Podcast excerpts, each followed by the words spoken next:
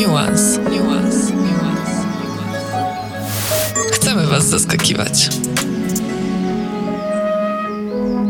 To jest klimat, a moimi gośćmi dzisiaj są, może sami się przedstawicie, bo są reprezentanci, reprezentanci zwolnionych z teorii, e, czyli zwolnieni z teorii w postaci...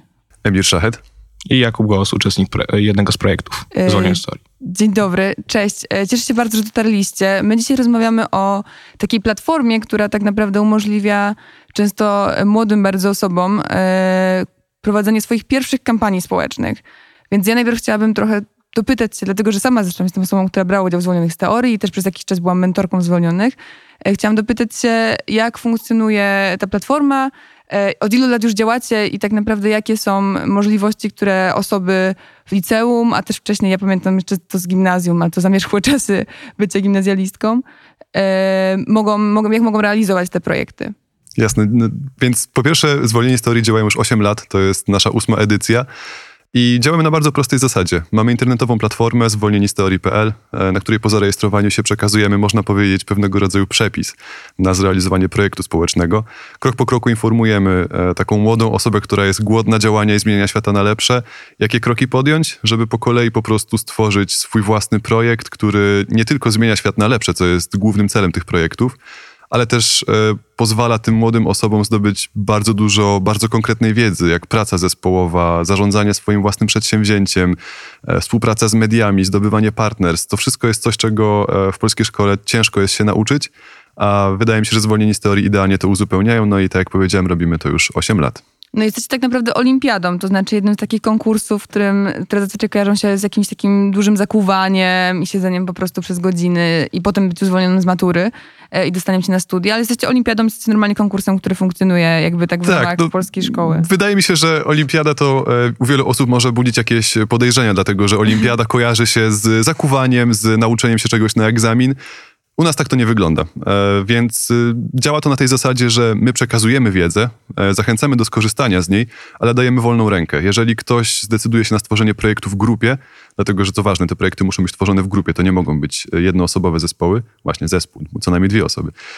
Więc jeżeli ktoś decyduje się działać, to ma wolną rękę. Może robić co chce, oczywiście w ramach prawa, żeby to wszystko było legalne, ale e, my tego nie kontrolujemy, nikt tego później nie ocenia pod takim względem szkolnym, nie, nie przyznajemy ocen ani punktów e, za jakiś dobrze czy źle zrealizowany projekt, więc to jest miejsce, w którym można się nauczyć e, wielu rzeczy, e, można samemu decydować o tym, co się robi, no i zrobić coś po prostu fajnego. Okej. e, I ty, Kuba, jesteś jedną z takich osób, która podejmę, podej, podjęła się tego wyzwania, zaczęła realizować taki projekt. Jak to było? To jest tak, że po prostu skrzyknęliście się ze znajomymi, uznaliście, robimy projekt, robimy projekt o ekologii, o kryzysie klimatycznym, o, o jakiejś lokalnej e, przestrzeni, która, która musi się zmieniać, bo, no bo są zmiany klimatu i o tym też jest ten podcast. E, czy jakby co było pierwsze? Najpierw pomysł na kampanię, czy najpierw e, chęć po prostu działania e, w tym, w tym temacie? Mhm. E, Znaczy tak, e, wpierw była po prostu przyjaźń, tak? To wszystko się od tego zaczęło, znam się od podstawówki. E, No i chcieliśmy jakoś się sprawdzić, e, jakby w swoich jakichś tam kompetencjach, które nabywaliśmy, tam jakiś marketing, e, inne tego różne typu rzeczy, jakieś zarządzanie projektem. No i później wpadliśmy na pomysł, że w sumie warto działać społecznie, tak? No i wpadliśmy na pomysł, że możemy coś po prostu podziałać z, kli- z klimatem, bo jest to jakby problem obecny i jest, no trzeba go zwalczać.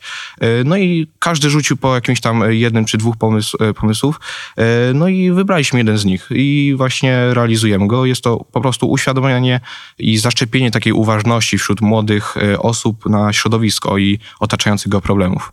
Super, a opowiesz nam trochę więcej o tym projekcie, to znaczy gdzie działacie, e, co macie już ze sobą, w jakim jesteście też punkcie tego, bo ja pamiętam ze zwolnionych jeszcze, że, że jak wchodzicie na tą platformę, tam są takie cztery punkty, które trzeba spełnić. Najpierw jest planowanie, Inicjacja chyba inicjacja, potem jest planowanie. Realizacja i zakończenie. Okej, dobra. E, no więc w którym jesteście punkcie, e, co kryje się za, za tymi nazwami też? E, i jakby, jakie są po kolei takie etapy, w których wy też po prostu jako, jako grupa tych przyjaciół e, działacie, żeby, żeby no właśnie uświadamiać e, społeczność e, młodych osób, ale pewnie też nie tylko o, o zmianach klimatu. Dzięki za wysłuchanie bezpłatnej części tego podcastu. Jeśli masz ochotę na więcej, dołącz do Nuance Clubu, klubu zorientowanych i spędzaj mniej czasu na słuchaniu takich komunikatów, a więcej na słuchaniu pełnych treści.